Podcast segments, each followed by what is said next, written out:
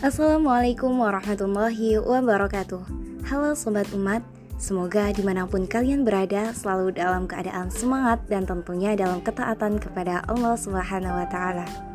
Setiap manusia sejatinya selalu dalam keadaan menuntut ilmu, entah itu melalui pendidikan, pengalaman, bahkan tak jarang pula ilmu itu didapatkan dari permasalahan. Cari ilmu itu tentunya melelahkan, dan pasti yang ingin dicapai adalah kebermanfaatan. Kali ini ada bahasan menarik banget di podcast Umat Digital tentang gimana sih caranya ilmu itu biar gak gampang dilupain, biar manfaat dan tentunya biar berkah. Dengan ilmu itu kita pasti ingin menjadi sukses. So, kali ini kita akan bahas gimana sih ilmu itu biar tetap terjaga sampai mengantarkan kita kepada kesuksesan dan tentunya melalui trik dari salah satu hadis Nabi. Simak next podcast Umat Digital and see you. Wassalamualaikum warahmatullahi wabarakatuh.